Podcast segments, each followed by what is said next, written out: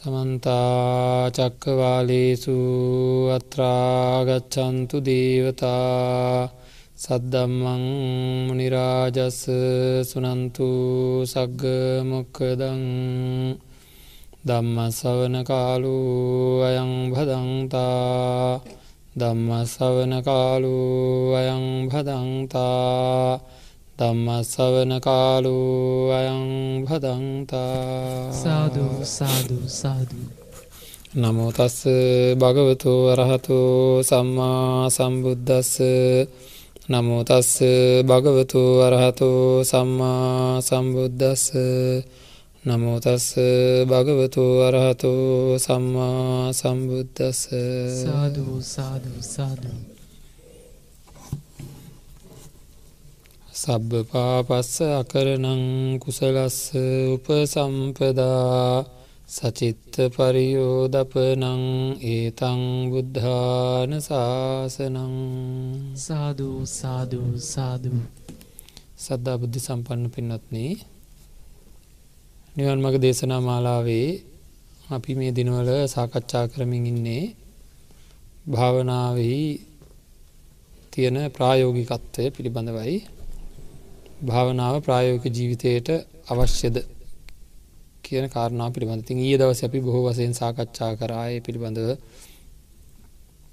අපේ ජීවිතය නිවැරදි කරන්න නං හිතෙන් යහපත් සිතුවලි ඉපදිලා එන්ඩෝනෑ සමහරයට යහපත් සිතුලි උපදින්නේ උපදින්ට අවශ්‍ය කරන වැඩ පිළිවෙල හැදිලනෑ ඒක ඊය දීර්ග වසයෙන් සාකච්ඡා කරමන් කෙටිය මතක් කරන්න සමහරයගේ සන්තානවල යහපත් සිතුවිලි උපදින්නේ නෑ. උදාහරණයක් කිව්වොත් සමහර අය සත්තු මරණවා ඒකේ ප්‍රාණගාත අකුසලයක් වෙනවා කියලා දන්නේ නෑ.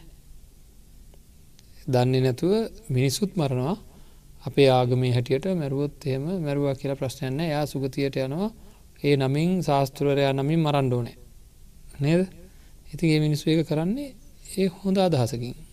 ඒ කියන්නේ දැන් අපිට අපිට මොකක්හරි නියමයක් තියෙන අපි අපිට දන්න හැටියට අපේ දැක්ම අන්‍යාගමිකය කරගෙන බුදු හාමුදුරුවන්ගේ නමගේ කිය මැරුවොත් එයාට ඊළඟ බවේ බෞද්ධලා උපදින්ට වෙනවා පුළුවන් වෙනවා. එහෙමුණොත් එයට යහපතක් වෙන හමින්වට කියරවරලා අපිට කියල තිබන අපි සමට යාගේ යහපත වෙනුවෙන් කිසි ප්‍රශ්න නැත යාගේ යහපත වෙනුවෙන් කියලා අර වැරදි දෘෂ්ටියතකොට යට කියෙන දෘෂ්ටි කියලා.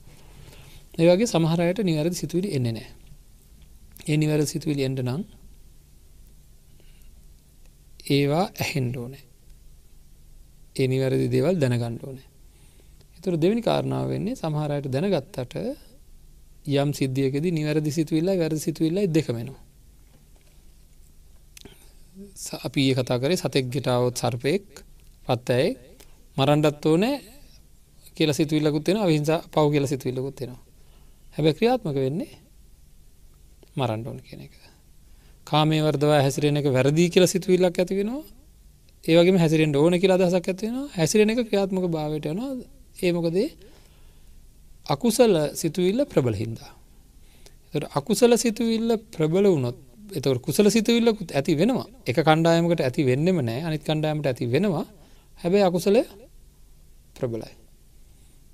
අන්න ඒ අය මොකද කරන්න ඕනෑ? කුසල සිතුවිල්ල ප්‍රබල කරගන්න ඕනෑ.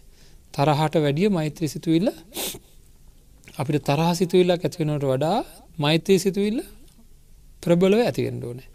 එහම ප්‍රබලව සිතුවිල්ල ප්‍රබල කරගන්න කොහොමද? ඒ ගැන ඒ සිතුවිල්ල ප්‍රබල වෙන විදිහට මෙනෙහි කරලා. ඒ සිතුවිල්ල ප්‍රබල වෙන විදිහට මෙනෙහි කරලා තමයි සිතුවිල්ල ප්‍රබල තත්ත්වකට පත් කරගන්නේ. හරිද? එහෙම නේද? කොහොමද එතකොට මෙනෙහි කරන්නේ? නැවත නැවත නැවත නැවතකොට මෙහි කරනකොට අපිකිව දැන් තරහා වැඩි වෙනවා එක තැනකටලා කවුරු හරි ගැන කාට හරි ගැන තරහක් ඇති වුණට පස්සේ අපි එක තැනකට වෙලා පුටුවකුට වෙන කිසි වැඩක් කරන්න අර මනසය ගැන තරහෙම මෙහි කරනවා. ඔයිට කලනුත් කියපයවා ඔයිට කලින් කරපයවා කියක මෙහි කරනවා. එහෙම කරන්න ගත්තොත් තරහ?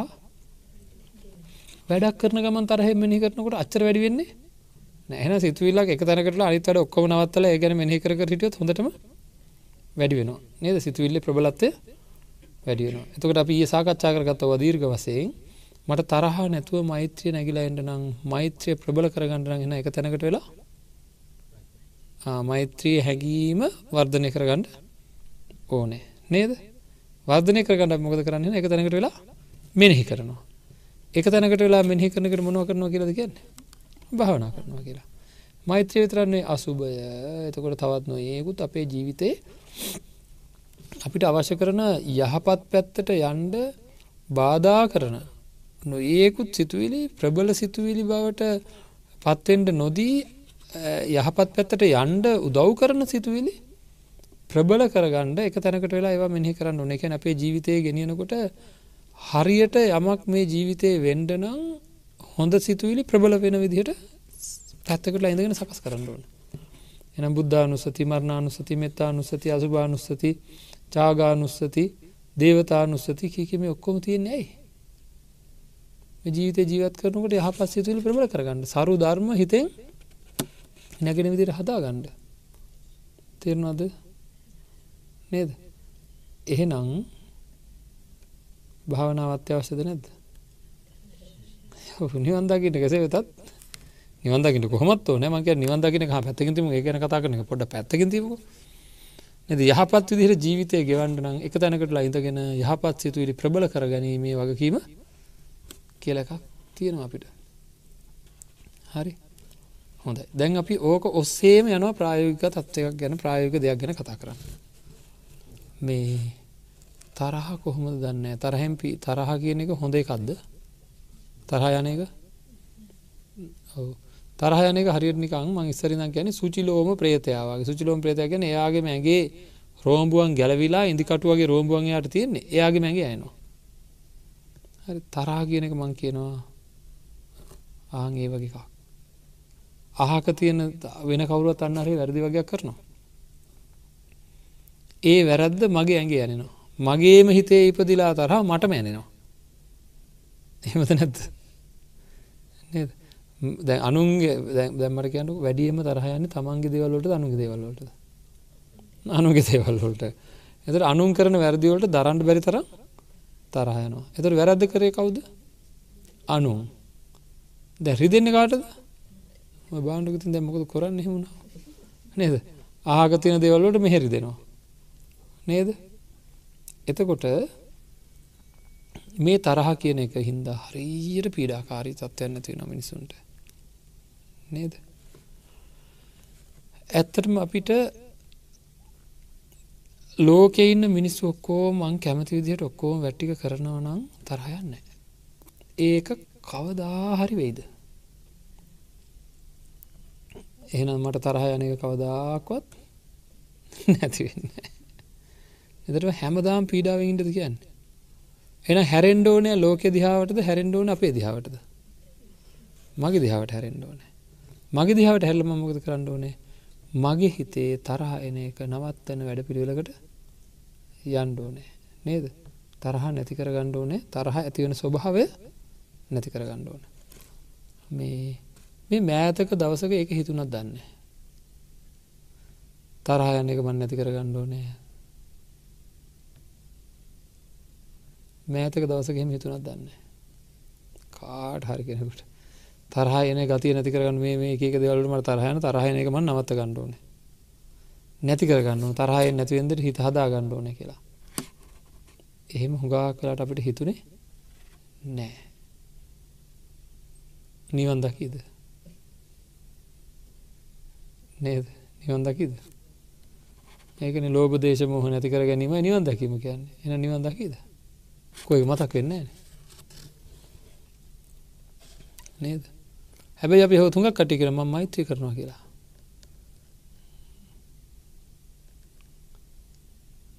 ලෝකෙ දැ සාමාන්‍යයෙන් අපි දන්න හැටියට තියෙන භාවනාවලින් ලේසිම භාවනාවක් තමයි හැමෝම කියන පොඩි ළමයින්ට පව හැමෝම අපිට තින සංකල් පැත්තම ලේසි භාවනාවත් තමයි මෛත්‍රී භාවනාව කියලා. හරියට තොරතුරු බලාගත්තොත් අමාරුම් භාවනාව තමයි මෛත්‍රී භාවනාව. හරි මෛත්‍රී සිතුවිල්ල අපි අපි මේක අරගෙන බොරුවට වචන කීපයකට. පැත්තකලා හේ ඉඳගෙන සිල් සත්වය දුක අන්ඩෝග සුපත්වය සිල් සත්වයන වේ වචන කීපයක් කිවහම ඔක්කම හරි කියරතම හිතෙන්නේ. හරි. පලවෙනියම කරන්න දෙයක් තියෙන මෛත්‍රී මෛත්‍රියෙන් ජීවත්වෙන්ට තියෙනවනම් කොච් කොච්චර වටිනවාද? නේද? එහෙනම් පැත්තකටලා ඉඳගෙන මෛත්‍රී සිතුවිල්ල වර්තනය කරලා වර්ධනය කරලා වර්ධනය කරලා වර්ධනය කරලා වර්ධනය කරලා මෛත්‍රියම ඉන්ඩ පුළන්කම තියෙනවා අපිට. දැන් අපි දන්නවා එක ඇයි? එක තැනකට වෙලා ඉඳගෙන මෙනෙහිකරොත් මෛත්‍රියෙන් මෙනෙහිකරොත් මෛත්‍රිය වර්ධනය වෙන අපි ඉස්සල කතා වුණන එක නේද? හොඳයි. ද මෛත්‍රී සිතුවිල්ල හරි එක කෝක දන්න කොහොමද හොයා ගන්න එක මෛත්‍රී සිතුවිල්ල කියන මොකක්ද? නේද? වර්ධනය අප ඉස්සල කිව්වනේ සමහරයට කුසල් උපදින්නේ කියලා. සර්පයෙක් ගෙට එනකොට සමහරයට එන්නේ මරන්න ඕන කියන හැඟීම විතරයි. ඇතර කුසල් උපදින්නේ ඒවගේ අපට මෛත්‍රී උපදිනවත් දන්න ඉතින් බුදු හාමුදුරුව මොකද කරලා තියෙන කියලා හොයා ගන්න ඕනේ. අපිට මෛත්‍රී අර්ථ දක්වලා තියෙන බුදුරජාණන් වහන්සේ. කොහොමද? මෛත්‍රිය කියන්නේ මිත්‍රත්වය කියන එකයි. හරි? මිත්‍රත්වය කියන්නේ ඉති මිත්‍රත්වය අපි හොතර දන්නවා. අපි අපේ යාලු යාලුකම කියන්නේ. නේද? ඉතාම තද මිත්‍රයා තමන් අපිට ඉන්න ඉතාම තද මිත්‍රත්වයක් තියෙන කෙනෙක් කෙරෙහි අපිට තාමාන්‍යයෙන් තියෙන අදහස මොකක්ද අදහස කියන්නේ එයා ගැතින් වැරදක්ුණු අපි සාමාන්‍ය කොහොමද? එයාති ලොකු වැරදක්ුණා කියන්නක අපි ඇත්තේ කතා කරන්න කොහොඳ ගිහිලා මොකක්ද මේ කරගත්තේ? නේද? ඇයි මටවත් ටිකක් කිවේ නැත්තේ? දැම් මොකද කරන්නේ? එහෙමනි දහන්න මොන වැරද තිපත් අපිලඟ සමාවතියනවද නැද්ද? අයන යාලුකම තියෙන ඇත් එක් අපිට ලොකු සමාවතියන ගතියත්තින අපේ හිතේ සමාවතියන යාගැන නේද? යාල වැරදි කරත් අපි ඇත්තෙක් හරි යාලු ඊළඟට මට මොනහරි හොඳ දෙයක් හම්බෙනවා. වර ප්‍රසාදයක් හම්බෙනවා. මගේ වයස කෙරෙකුට අපිට දැම යාලුවත් මට තියෙන සුදුසුකම් ඔක්කොම තියෙන කෙනෙ මොකක්ද අදහස? මට ලැබෙන දේම ඒ විදිහටම අනේ මෙයාට ලබන කෑම කම්බුණත් නේද? යාලුකමත් තියෙන කෙනෙක්ක මතක් වෙනවා. දෙන්ඩ තියෙනවනන් කියලා හිතෙනවා. ඊළඟට කරදරයක් වෙන ඒ පැත්තට. දුවල පැනලක් කරන්න පුළුවන් දේටත් වැඩිය උදව් කරන වෙලාවකට කරදරයක් වෙනකම් උදව් කරනවා. ඒ පැත්තෙන් ඇති කියනකම්. යාලුකම තියෙනකම් අන්න එහෙම. අම්ම කෙනෙක් තමගේ දරුවකුටත් එහෙම නේද? අන්න ඒ හැඟීම. අපිට යාලුකම කියන එක. මිත්‍රත්වය කියන එක. හරි? ලෝකෙටම එක වගේ නම් ලෝකෙටම මිත්‍රත්වය. යම් අම්මෙකුට තමන්ගේ දරුවා ගැන තියෙන හැඟීම හා සමාන හැඟීම මුල් ලෝකෙටම පතුරෝණ එකට කියනවා මෛත්‍රයවාදනය කරනවා කියලා. මේක වචන මාත්‍රයක්ද නැත්තම් විශාල ලොකූ සංකල්පයක්ද? අපේ තුළ ජනිත විය යුතු අපේ තුළ ඉපදිය යුතු ලොකූ සංකල්පය ලෝකෙම කෙරෙහි තමන්ගේ දරුවා කෙරේ වගේ හැඟීම ලේසිවේද වැඩේ? අර බලන්ඩ ලෝකෙටම සමාවතියන ඇතකොට ලෝකෙම වැරදක්කරොත් මෙහෙරි දෙන්න යාලු වැරදක්කර හම හිට දෙන්න නද? ලෝකෙම දුකට පත්වනකුරු දෝ කරන්න බලන්නාවේ දැන් අපිට වෙලා තියෙන එක හිතවත් කෙනෙක් වැරද්දක් කරොත් කමන්නේ අහිතවත් කෙනෙක් වැරද්දක් කරොත්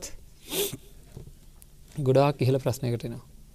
ඉතින් එහෙම නැතුව ඒ විදිහටම හැම වෙලේම තියෙන්ට ඒක ප්‍රායෝගිකද කියලයි බලාගන්න වෙන්ඩ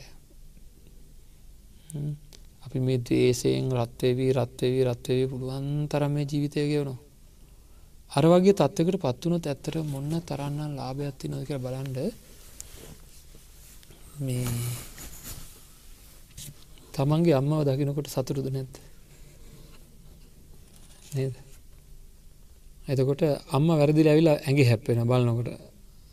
පාරිමං ඇවිදිනනට ඇගේ හැපුන බලනකොට අම්ම. නැත තමන්ගේ දරුවා. මොකද වෙන්නේ? හොම සතුටුයි නේද? දැක්කාම සතුටුයි. තමන්ගේ අම්ම වගේ නම් ලෝකෙයි නොක්කොම තාත්ත වගේ නම් තමන්ගේ දරුව වගේ නම් පාරය ඇවිදගෙන යනකොට අන්න අය දකිද්දී සතුටුද නැද්ද? නේද? අන්න අයගේ ක්‍රියාවන් දැකලා මොනවාහරි දෙයක් කරනවනම් කවුහරි කෙනෙක් ඒ කරන දේ දැකලා දක්ෂකමක් කරනවන කොත හරි කෙනෙ තමන්ගේ වේවා අනුන්ගේ වේවා ඕනම තැනක. හිතුවක් කාරකමක් කරනවන ළමෙක්. අපේ තමන්ගේ දරුව හිතුවක් කාරකමක් කරනට ඒ ගන්න හුරතලට නේද? ඔය හැටි තමයි අර බලන්ට ආම්පාන දඟලන් දැඟලිල්ල කියලා. නේද? වෙන කෙනෙක දරුව කරනවන නේද? අනිත්තුල මේ ලෝකෙම තමන්ට හුරතලේට වගේ පේනවන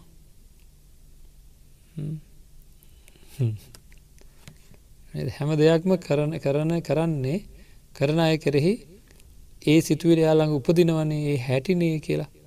නද? ඒක මනුස ජීවිතය හැටි කියලා මෛත්‍රයක් උපදිනවනවා. හැම වෙලේම ඒ මනුසය සන්තෝසෙන්ද නැද්ද? නේද? ඒ මෛත්‍රිය තියෙන කෙන හැම්බලේම සන්තසේ අනුගේ වැරදි මේ පැතර එන අඩුවනවද නැද්ද? නැතිවෙනවද නැද්ද? පීඩාව නැතිවෙනවද නැද්ද? එන ඔන්න ඔය තත්ත්වකට පත්තෙන්ඩයි ඕනෑ. එහෙම හිතක් සකස් කර ගණ්ඩයි ඕනෑ. ඉතින් මේවා ප්‍රායෝගිකද? මෙ ප්‍රායෝගිකද? කරන්න පුළුවන් වැඩද? හාන්දුරුවන්නම් පුළුවන් ඇති. එහෙමද? ප්‍රශ්නය තියෙන තොර පායෝගිකද කියලා. හැම වෙලේම එකම හැඟීමක් අපේ තුළ ජනිත වෙන්ඩ නම් එක ගොඩා ප්‍රබල වෙන්ඩෝන කෙන අපි එක තා චුට්ටක් විශ්වාස ඇති කරගම්. අපි ආද කෙනෙක් කෙරේ ආදරයක් ඇති වුණා. ඒ ආදරය හැම්බිලේ මතක් වෙන්න හැ නමුත් කාලයක් තිස්සේ එකදිකට එකදිකට එකදිකට එකදිකට මෙහි කරලා මෙහි කළ මෙහි කළ මෙහි කළ මෙහි කළ හෙම කරොත්. එහෙම මෙනෙහි කරොත් එන්ඩෙන්ඩ එන්ඩෙන්ඩ ආදරය මොකද වෙන්නේ? වැඩි වෙන ආදරයෙන් මෙනෙහි කරන්න මෙහි කරන්න ආදරය වැඩි වෙනවා. එතකොට මොකද වෙන්නේ? මං කියනවා මතක් වෙන්න නැති වෙලාවක් නැති තරංකිවොත් මොකද කියන්නේ? ඊට පස කණ්ඩ ගියත් නාන්ඩ ගියත් එ මොන දේ කරත් හැම්වෙලේ වගේ මතක් වෙනවා. ඒ ගොඩාක් ප්‍රබල වුණහම නේද? එතකොට මෛත්‍රියත් වර්ධනය කරලා කරලා කරලා කරලා කරලා කරලා ප්‍රබලුණොත් හැම වෙලේ මතක්වෙන ගාන්ට එනවාමද නැද්ද? හැමවෙලේ මතක්වෙන ගාන්ට එනවා. අන්න එහෙමනං අපිෝ කිව්ව කාරණාව ප්‍රායෝගිකත නැද්ද? ප්‍රායෝගිකයි. එතෙන්ට පත්වනුත් කොච්චර සැනසිල්ලද කියලා බලන්ඩ හැම වෙලේම මෛත්‍රී සිත හැම්වෙලේම හරියට නිකං සතුට උපදින අනිත් අය කරෙහි වැැක්කෙරුණාවාගේ හිතක් එක ඒකන නිකං ඒ පැත්තරම නැබුරු වෙච්ච නේද කෙනෙක්ගේ යහපත සඳහාම? හරි ඒ එයා හරි මුළු හැම්ම වෙලාම ගවන්න සන්තෝසේ හරි. ඒකෙන් තියෙන් ලාබි බලන්න කොච්චර සතුටක් දේක ඊළඟට මේ බලන්ඩ මේ අපේ කයට රිජුවම හිත බලපානවද නැත්ත කයේ ක්‍රියාකාරිත්වයට. පිළිමයක් තියෙනවා. හින හිනා වෙලා තියෙන පිළිමයක්. මේ පිළිමේ නිලපි කෙනට මට කියලා මට එක නිකං අඩන පෙනුම කරවන්න ඕනේ. අඩන පෙනුම කරවන්න ඕන. එතකොරති අර මේ අතර තියෙන කට මේ අතර හදන්ට එහෙම එහෙම. තව මේ මස් පිඩි ඔක්කෝ වෙනස් කරන්න වෙනවා. නේද? බලන්ඩ අපිට මොකද වෙන්න කියලා? මේ හොඳ ටින්නයට හදිසේ තරාගියගම් මොකද වෙන්නේ? මුණ සම්පූර්ණය මූුණ සම්පූර්ණය වෙනස් වෙනවා. මේ වෙනස්වෙන්ට මේ මස් පිඩුවල වෙනස්වීම් සිද්ධෙන්ට ඕනද නැද්ද? නේද? හම වෙනස්වීමෙන්ට හම ඇදෙන්ට ඕනෑ මස් පිරුවල වෙනස් එෙන්ට ඕනෑ කටනි පැත් හැරෙන්ට ඕනෑ. මේ කෞද්දන්නය කරන්නේ? දැපට තරහගේම අපේ මුණ වෙනස් වෙනවානේ. කෞද්දන්නය කරන්න? මේ මස් පිඩු එකක්වත් දන්නවද තරහගිල්ල කියලමට මෙහට තරහගිල් අපි මේ විදිර හැදෙන්ටන මේ හැඩට හැදෙන්ටන කිය දන්නවද? ලේ දන්නවද? මොකක්වත් දන්නේ ඒනට එක වෙනවද නැද්ද? නේද? එහෙනම් මේක සිද්ධ වෙනවා කියන්න මේ ශරීරයේ මේ යම්කිසි ලොකූ වෙනසක්. රසායනික රසායනිකව සිද්ධෙන් ලොකු වෙනසක් සිද්ධ නොද? නැත ඒකැන එහෙම දෙයක් එච්චරික්මට මේ මස් පිඩු ටික පවා වෙනස් වෙනවා නම් ඒකත් එක තවන ඒකුත් නද? වෛද්‍ය විද්‍යට අනු නොයකුත් හෝමෝන හැදෙනවා. බුහන්ද්‍රක දේශන කරතය නාමරූපච්චා විඤ්ඥාන විඤ්ඥාන පච්චා නාමරූපක නොයකුත් හෝමෝන හැදෙන දැන්ව දිවින සාගණ්ඩ ඕන කියලා එකදිකට හිතන්ට පටන් ගත්තාම සමහර ඇත්තන්ට ඒක කරන්නම වෙන තත්තර පත්වෙනවා කියලා මනොවෛද්‍යවරුත් කියනවා. එක්තර හෝමෝනයක් එක දිගට හැදෙනවා කියලා. ඉතිං එච්චර ඔන්නෑ ඇඹුල් අඹ ගෙඩියම් මතා කරන්න මොකද වෙන්න බලන්න. මේ අඹ මොකුත් නෑ. මං හැමදාමරු ධරණය කියන්න. ඒක මතක් වුණේ හොඳ වෙලාවට. අමු අප ගෙටියක් කරගෙන කෑරිවලට කපලා පොල් කට්ටකට දාලා ලුණු දාලා මිරිස් දාලාගෙනට ඕ මේ හිතට ඇතිවෙච්ච හැඟීමකට කයි වෙනසක් වෙනවා. එහෙනම් ඒ ඉතා පැහැදිලි වෙනස් වෙනවා කියලා. එනම් තරහැන් ඉන්නකොටත් එහෙම මොනහරි ඇති නේද? සන්තෝසිෙන් ඉන්නකොට? එනම් මේ ශරීරයේ එකක නිෂ්පාදනය වෙන දේවල් නිපද වෙන දෙවලේ. අය අමුතුවෙන් ඇති නේද කියලා කියන්න දෙන්න බුදු හාමුදුරුව ගැන අපිට විශවාසති නමනවාද කියලා තින් දේශනා කළ තියන්නේ. මේ කයේ පැවැත්මට හේතු වෙන්නේ එකක් කර්මය එකක් ආහාරය අනිත් එක චිත්තය. එනම් මෛත්‍රී සිතුවිලි එක දිකට කෙනෙකුට එනවනං අනිත මේ මේ එක හොයාගත්ත හැකි හොඳටම. සමහර මූුණු බලපුහාමම නේද? අපිට හිතෙනවා අම්ම මේ නම් ඇත්තම හෙන්න හුඟක්ම නිකං එ නපුරුම කෙනෙක් වෙන්ඩ ඕන කියලා. එහෙම හිතිච්චා ඇත්තක වැඩ කරන්න ගහමත් මොකද? ඔයකිවට නපුරු ගති තියෙනවද නැත් ඒ සමහරය දිහා බලපම අපිට හිතනවා මේ නම් ඇත්තමයි හරීම කරුණාවන්ත කෙනෙ කරුණාවන්ත පෙනුවත් තියෙන කියලා. ඒ කතා කරත් හුඟක් කලාවට කරුණාවන්ත එහෙම නැති වෙලාවල් තියෙනවා. ඒ තමයි කර්මය. එ කර්ම ස්මත් වෙලා හැඩ හැදිල තියෙන ඉන්න ඇති අපපුර පෙනුවතිබට හරි කරනවන්ත වෙලාවට නමුත් බහුතරයක් කර විදිහට හැදෙනවා. ඉති ඒක හින්දා මේ අපි මේ තේරුම් ගණ්ඩ වෙන මේ කය නිරෝගි කර ගණ්ඩත් මේ වගේ කුසල සිතුවී ප්‍රබල වෙලාතිීම වටිනවා ගොඩාක් වටිනවා. සන්තෝසෙන්ම ජීවත්වට පුළුවන්කමකුත් තියෙන එතකොට. මේ කාරණා ඔක්කොමත් එක්ක ඇත්තටම තරහ අයින් වෙලා මෛත්‍රිය මෛත්‍රියම ඉඩ තිරන බොහෝම අපූරී බොහොම සන්තෝසයම බොහොම සැනසීමෙන් අර අරනිකන් දැවි දැවි පිච්චි පිච්චි ඉන්න කෙනෙකුට සිසිල් දිය පහරකට වැටුණවාගේ හිත ඇතුළෙම් එන සුවදායක ප්‍රීතියකින් ඉන්ඩ පුළුවන්කමතන ඇතුළෙම්ම එන සුවදායක ප්‍රීතියකින් ජීවත්වෙන්ට පුළුවන්කම තියෙනවා. කාටද? මේ කෙනෙක් මේ විදිහට තමන්ගේ මනසේ යහපත් සිතුවිලි ප්‍රබල කර ගත්තොත් එන ප්‍රබල කර ගණ්ඩත් පුළුවන් නද? ඔය විදිහට ලොකූ දෙයක්. ඉඟඟට මෙත්තානි සංසූත්‍රයේ තියෙනවා නද? හොඳට නින්ද යනවා හොඳට ඇහැරෙනවා. ඒගැන මග ප්‍රශ්න නෑ නේද? ඊළඟට නපුරහි නාදිය පේන්නේ නෑ. හෙම කරදර මොකුත් නෑ. විතරන්න වෙයි දෙවියන්ට ප්‍රිය වෙනවා මනුස්සෙන්ට ප්‍රිය වෙනවා නේද?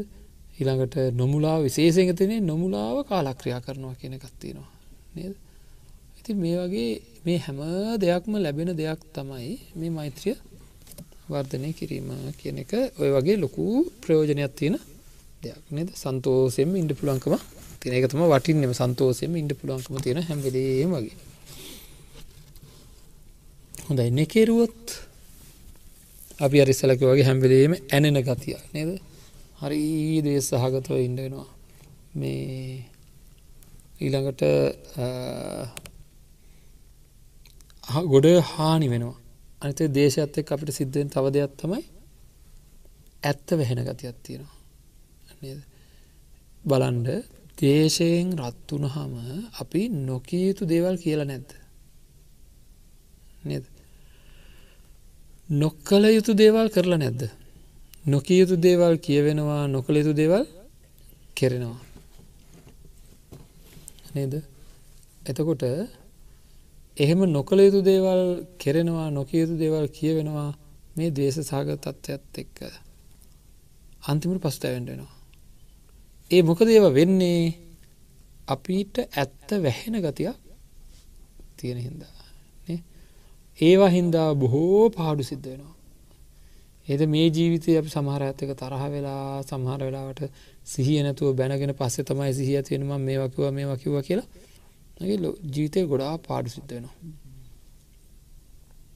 ඊළඟට දේශ සහගතව කටයුතු කිරීමෙන් ප්‍රාණගාත අදත්තාදාන ආදී නොඒකුත් අකුසලයන් බොහෝ කර්ම පතයන් සිද්ධ වෙනවා.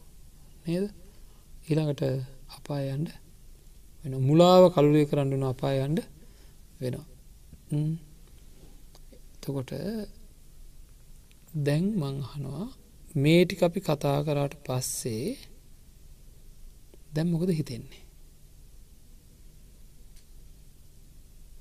දැම් බනාහන්ඩ පටන්ගන්නකොට මෛත්‍රිය වර්ධනය කරන්න ඕනෑ කියලා අදහසත් තිබ්බන.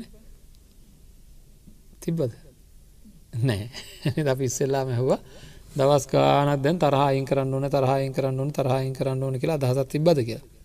කට්ටිකිවේ නෑ කියලා. නේද? දැන් දැන් තියෙන මෛත්‍රය වඩන්ඩ නෑ කියලා. හරි. තවටිකක් අප බලමුද? මගේ ශරීරයේ පිළිකා සෛලයක් තියෙනවා කියලා කවුහරි මට කියනවා. ඒක දැනගත්ත වෙලාවිඳ මගේ අදහස මොකක්ද මේක ඉක්මන්ට අයින් කරන්න ඕන කියලා ඇයිඒ පිළිකා සෛලයක් ඉක්මන්ට වැවෙනවා. නේද? තියෙන හැම මොහොතකම භයනකයි. ඇයි මේක වැඩිලා වැඩිලා? මේ ගැටලු සහග තත්ත්වයන් වල පත්වෙනවා ඒහිද මේ ඉක්මට ඉක්මනට මේක සල්ල කරමකට භාජනය කළ ඉතිරිටික පුච්චනවත් එක්ක. නේද? අපි ඉතින් ප්‍රත්‍යක්ෂම දැනගන්නුව දැන් චුට්ටක්වත් නෑ කියලා. පිළිකාව වගේම දෙයක් තමයි තරහ කියලා කියන්නේ. හරි? අපිට දැන් තරහැඳින්නේ රහතන් වහන්සේ තරහැන්නෙවේ ඉන්නේ. රහත් වෙලාවද්ද නෑ. නේද? මොකක්ද වෙනස? රහතන් වහන්සේට තරහ ඇතිවෙන ස්වභාවය නෑ. මන් දැම් මේ තරහ නැතුව හිටියට? නැද? පොඩි දෙයක් වෙච්චගමන් තරහ ඇති වෙනවා. මට තරහ ඇති වෙනවා.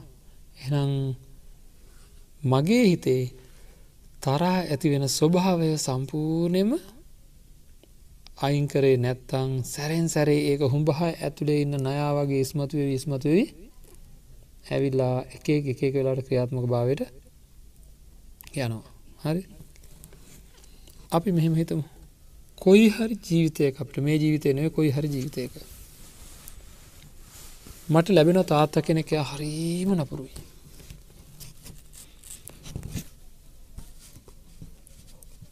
තාත කෙනෙක් හම්බෙන එය හරීම නපුරුයි. එතකොට මෙයා කිසිීම දෙයක් කරන්නේ මේ පියතුමා මේ පවුලි නඩත්තුට හරියට බොනවා බීල ඇවිල් හරියට කරදර කරනවා අම්මට ගහනවා හෙම කරනවා. දවසක් ඇවිල්ලා අම්ම පෙරලගෙන අම්මට ගහල බෙල්ල මිරිකණ්ඩයනවා. හරි ළඟ තියෙන දැමට කරන් දෙයනම දඟලන දඟලන හරියන්න ගලවන්ඩ ළඟ තියෙනවා උදලු මිටක්. මම මොනෝ කරයිද? අම්ම මරණකම් බලාගදිද නැත්තම් උදලමිට අරම් පාරත් දෙක ගහිත අතර එහෙම සිද්ධියකට මුණ පාන්ඩුනු කවදහර දවසක. තරුණ කාලෙක සසර ජීවිතේ. නිකං ඉදීද නිකං ඉන්නේ? කරන්නම දෙයක් නැත්තන් අර කරන්න හනවා නේද? මැරුණොත් ඒ වෙලා අනන්තරී පාපකර්මයක් එනම් ආනන්තරිය පාපකර්මයක් පවා සිද්ධ වෙන්ඩ ඔය මං කිවේ මොකක්ද මේ ලංකාවේ එක තාත්ත කෙනෙක්ව මරපු දරුවෙකුට සිද්ධය චත් දැකීම මේ ළම හැන්දෑ කෝචිර පැන්න. හරි. එතකොට ඇයි මම මේක කිවේ අපි ඒවගෙන හිතන්න ඕනෑ. ඇයි ඒ ළමයට තරහගේ සසර එයාට කවදාක්වත් තරහා ඇතිවෙන්නේ නැති තත්වට හිත හදන්ඩ බැරි වුණා. නේද? තරහ ගැන පිළිකාවක් වගේ. කොයි වෙලා ඉස්මතු වෙලා ඉදන්නේ නෑ ඉස්මතු වෙලා අවුත් අච්චර ලොකු දෙයක් වුණත් එක සැනයක කරන්න සිද්ධ වෙන තත්වකට පත්වෙන්න පුළුවන්. ම මෙයාගෙන් හන්න අත් කැඩේවා කකුල් කැඩේවා බෙල්ල කැඩේවා ගෙල්හෙම අනිත් අයවනින් ප්‍රාර්ථනා කරලා තියෙනවද? අපෝ නෑ හාමුදුරන කවදාපත්න හාමුදුරුවනන් හෙම වෙන්ට ඇති අපි නං. හෙමන එම නෑ නේද? හවස කැවිල්ලා අපේ තාත්තට බැනල යනෝ කවුරුවරි අප කිසි වැරද්දක් නොකරපු අපේ තාත්තට හවස ඇවිල බැනල යනෝ කවුරහරි මොකරි කාරණාවකට.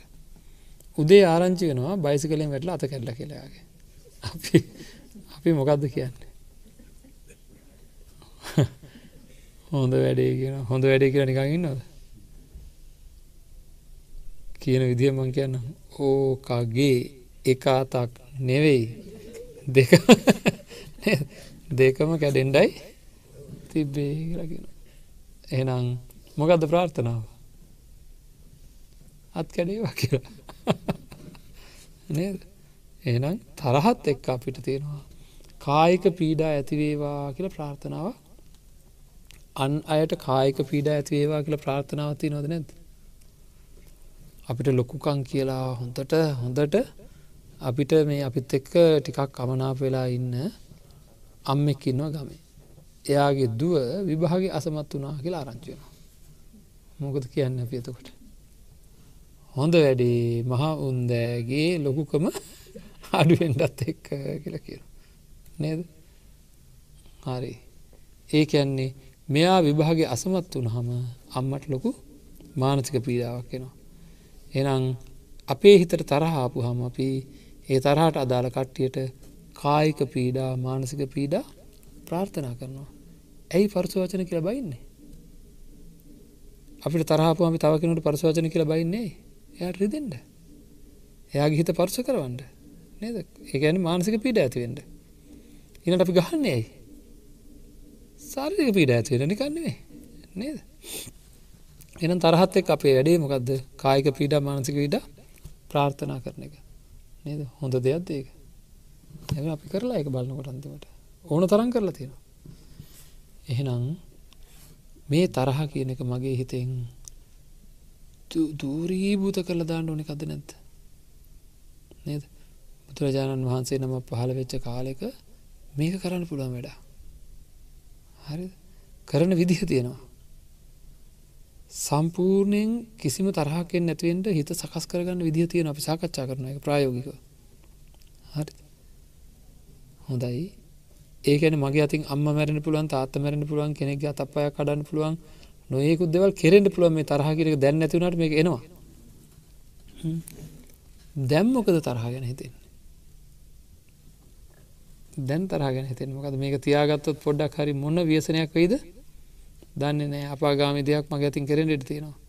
හරි ඔය ටික දැන් අපි හගත්තට පස්සේ මේ වෙලාවේ තරහ අයින් කරන්න මෝනෑ අයින් කරන්න මෝනෑ කියෙන හැඟීම අඩුද වැඩි දෙපාර වැඩිද හොඳට වැඩිද? හොඳටම වැඩි වුණා. පාර හිතනවා මේකනම් තියා ගණ්ඩම හොඳ නෑ. මම අසනීපකාරයෙක් වගේ ලොකු ප්‍රශ්න ඇති කරගන්න දෙයක් කියලා. ඔන්න බලන්ඩ ඔන්න ඔය දැන් ඇතිවෙච්චය තරහා අයින් කරන්න ඕනෑ මෛත්‍රිය වර්ධනය කරන්න ඕනෑ කියලා අපේ හිතේ තියෙන ඔන්න ඔය හැඟීම තිබුණොද්දිගටම මං ඔය වැඩේ කරනවද නැද්ද? නේද? එහෙනම් මෛත්‍රිය වර්ධනය කරන්න නං ඔය හැඟීම තියෙන්ට ඕනද නැත් දැන් තියෙන ඔය හැඟීම තියෙන්ට ඕන්න නැත් තියෙන්ඩම ඕන. තියෙන්ඩම ඕනෑ. එන ඒක තියාගන්න මොකද කරන්න ඕන? තරහ ඇතිවෙන තැන්වලද අපි තරහගන්න හොඳ නෑ මෛත්‍යය තොට නිකම්ම මේක මෛත්‍රය වර්ධනය වෙලා එන්ට නම්ම මොකද කරන්න ඕන? ඔන්න දැන් කියපු ටික නැවත නැවත මෙනෙහි කරන්න ඕන මෛත්‍රියට ඉස්සෙල්ලා. මෛත්‍රිය වඩන් ඉස්සල අපි මොනවදය කතා කරේ? මෛත්‍රයේ ආනි සංසත් තරහේ ආදීනවත්. තරහේ ආදීනවත් තරහ තියාගැනීමෙන් අපිට ඇතිවන විශාල ප්‍රශ්නයක් තියෙනවා. එක රෝගයක් වගේ. ඒ හින්ද අනන්තරිය පාපකර්මය පවා වෙන්ඩ පුළුවන්. මෛත්‍රය වඩන කෙනෙකුට ඉන්න සන්තෝසය සහ මෛත්‍රිය වඩන කෙනෙක් ගැන බුදුරජාණන් වන්සේ දේශනා කරනවා. ඒ මෛත්‍රිය දිට්ටිංච අනුපගබ්බ සීලවා දස්සනයන සම්පන්නෝ දර්ශනයට නැත්ත සෝවාන් පලයට හේතුවෙන විදිහට භාවිතා කරන්න පුළුවන් කියලා.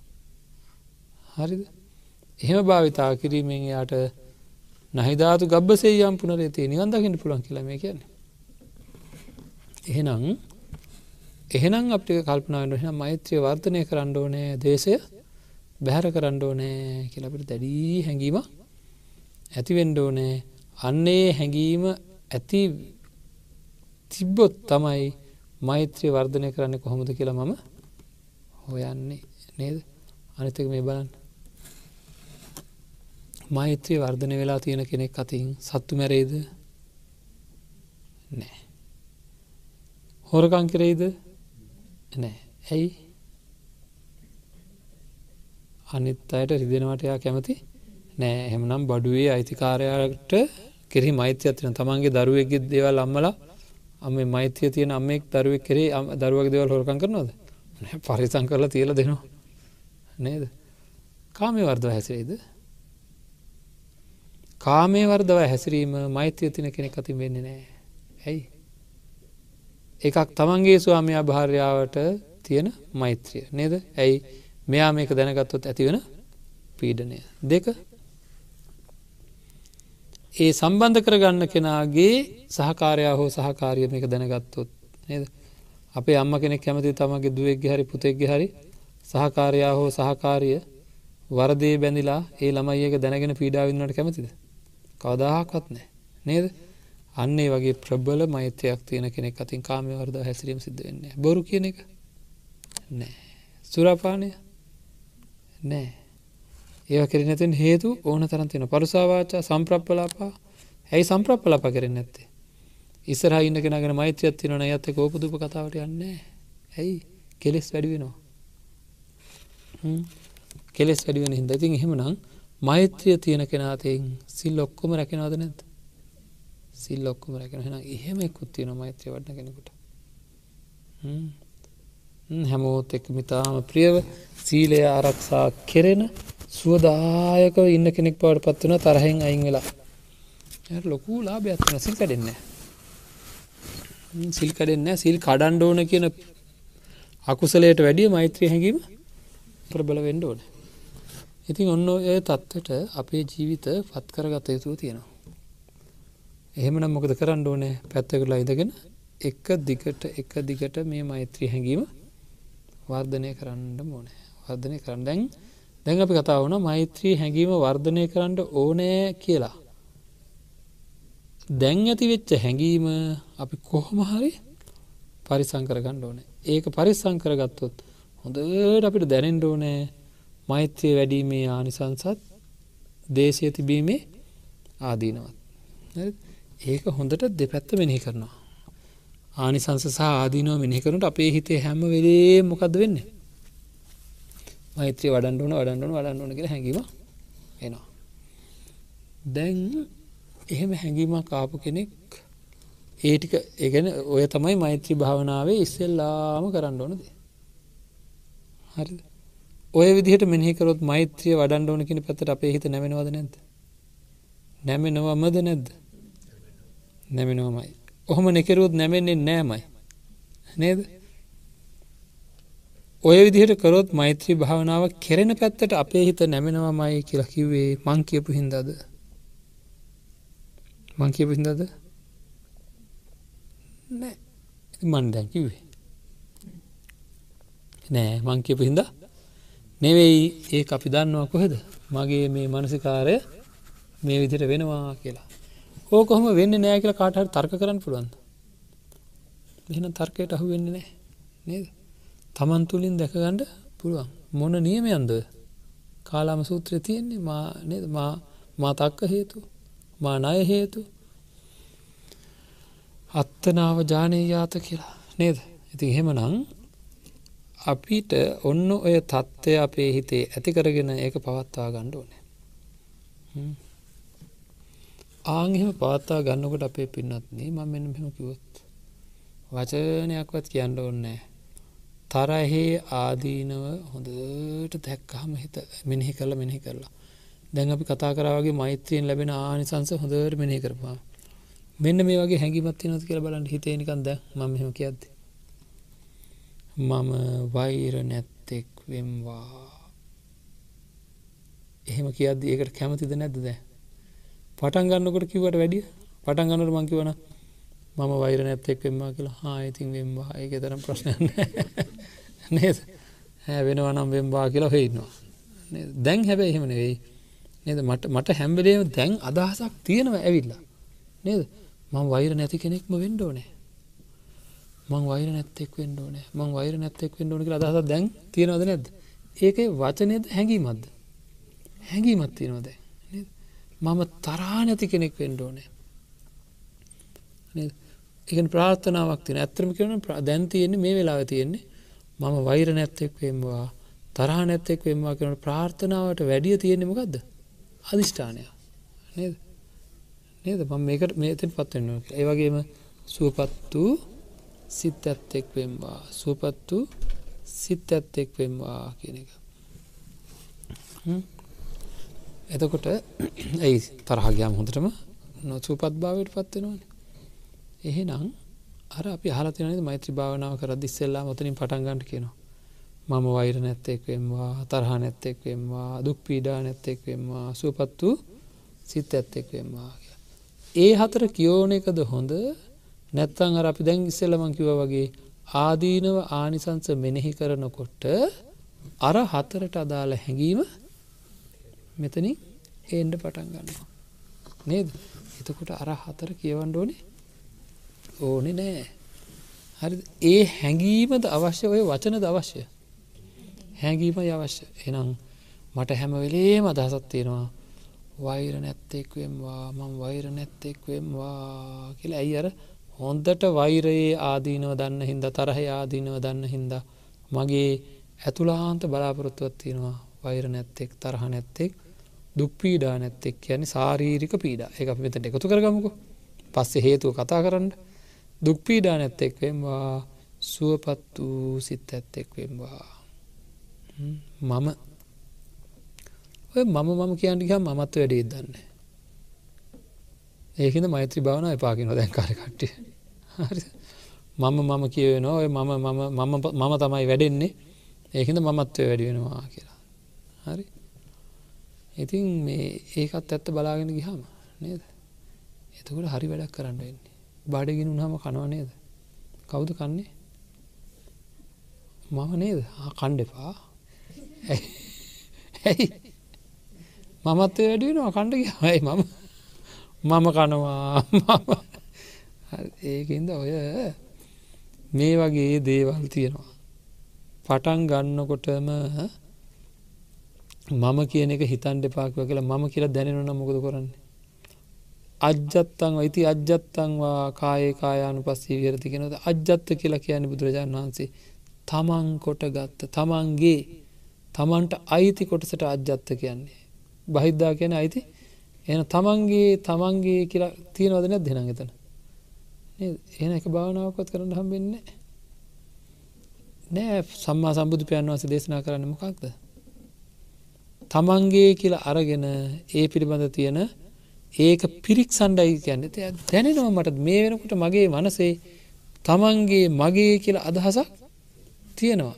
ඒ ටික තමයි ගණ්ඩෝනෑ ඒටික තමයි අල්ලලා ඒක නෑ කියලා හොයන් ඩෝනෑ එනම් ඉස්සල තියෙන ටික වෙන් කරගන්න එනම් මගේ කියන අදහස මම කියන අදහසත් එක්ක නමුක දිස්සර හට ගිහාම ඔය මම කියන එක නැති කරගන්න පුළුවන්කම තියෙනවා. එතකම් මේ තමන්ට දැනෙන දේත් එක්ක යන්ට එනම් මම වෛර නැත්තෙක් වෙම්වා තරහ නැත්තෙක් වෙම්වා දුක් පීඩා නැත්තෙක් වෙම්වා සුපත්තු සිත් ඇත්තෙක් වෙම්වා කියලා ඒ අදහස තියෙන. ඉතින් ඔය හතර අරම් මෙනෙහි කරනවා පොඩ්ඩා වෛර නැත්තෙක් වීමේ තරහ නැත්තෙක් වීමේ දුක් පීඩා නැත්තෙක් වීමේ සුවදායක තත්ත්වයක්ද නැද්දේක ඒ තත්තර පත්වෙන ඕන සක්විති රජකමද වටින්නේ? ඔය වගේ මෛත්‍රී සිතක් තියෙන මෛත්‍රී සිතද වටින්නේ? ඇත්තට මෛත්‍රී සිත වටිනවා. ඒ වටනාකම අපට දැනෙන්ඩ ඕන. ඇයි? මේක නැති වුණොත් ම අපාගාමි වෙන්ට පුළුවන් නේද? සක්විතිර ප්‍රාජකම තිබ්බ කියලා තිබ්බ කියලමට හැම්බෙලීම සැනසීමෙන්ට පුළුවන්කමක් ඇත්තේ නැහැ. එන මෛත්‍රී සිත වටිනා. ඔන්න දැන් කියන මං පොඩි කාරණාව අපි හිට දවස ඉතරටික කතා කරමු. නමුත් එක තැනකින් ප්‍රවේශයක් අරන්තිීලමං අපි ධර්ම දේශනාව නවත්තමු. රසම දෙයක් කැමතිම දෙයක් හොඳම දෙයක් මට ලැබුණු. මට මතක් වෙන්නේ මගේ යාලුවෙක්ව නේද? එකන එයාටත් ලැබුණොත් කියලා. හොඳම දේ මට විතරක් නෙවෙයි මිත්‍රත්වය තියෙන අය කෙරෙහි අපිට නිකම්ම අපේ හිතේ ප්‍රාර්ථනාවක් තියෙනවද නැද්ද? හොඳම දේ ලැබෙන්න ඕනෑ කියලා. දරුව කෙරෙහි නේද? දෙමව්පියන්ට දරුව කෙරෙහි එහෙම අදහසක් තියෙනවා. ආ එහෙනම් අපි ප්‍රාර්ථනාවක් ඇති වෙන අපේ තුළ මෙන්න මෙහෙම. මා මෙන්ම. මට විතරක් මේක මදි නේද? කාටද මා මෙන්ම?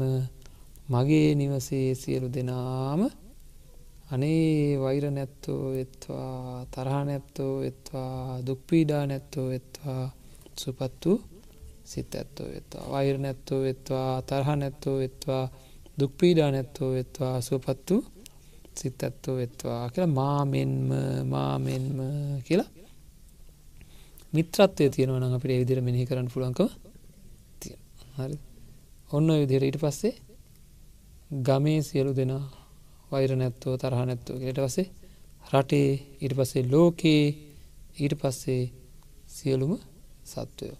ඉතින් ඒටික මෙනෙහි කරන්න යනකොට කොහොමද කරන්නේ? බාධාවෙන්නේ මොනවද ප්‍රායෝගිකව? නොකළ යුත්තේ මොකක්ද කියලා ප්‍රායෝගික අපි හෙට දවසෙද සාකච්ඡා කරනවා. හරි එතකොට මොකද ඇත්තටම ප්‍රායෝගික අපි මෛත්‍රී භාවනාව කරන එක වැරදියටයි කරන්න හුවක් අය. එද අපි මේවා සාකච්ඡා කළ යුතු තියෙන්නේ අනිවාර්යෙන්ම ප්‍රායෝගිකව තමන් තුළ සිද්ධ වෙන්නේ කොහොමද කියලා බල්ල එක කරන්නව බලාගෙනයි. ඒකින්ද ඉදිරියට යම් කිසි භාවනා කීපයක් ගැන මේ විදිට අපි සාකච්ඡා කරන බලාවෙන භාවනාවේ ප්‍රායෝගත්වය කියන යටතේ ඒවැනි මාතෘකාවක් යටතේ කෙරිච්ච දෙවැනි ධර්ම දේශනාව තමයි අදවසේ සිද්ධ වනේ එද බොහෝම පුුණ්‍යන මෝදනා කරනවා.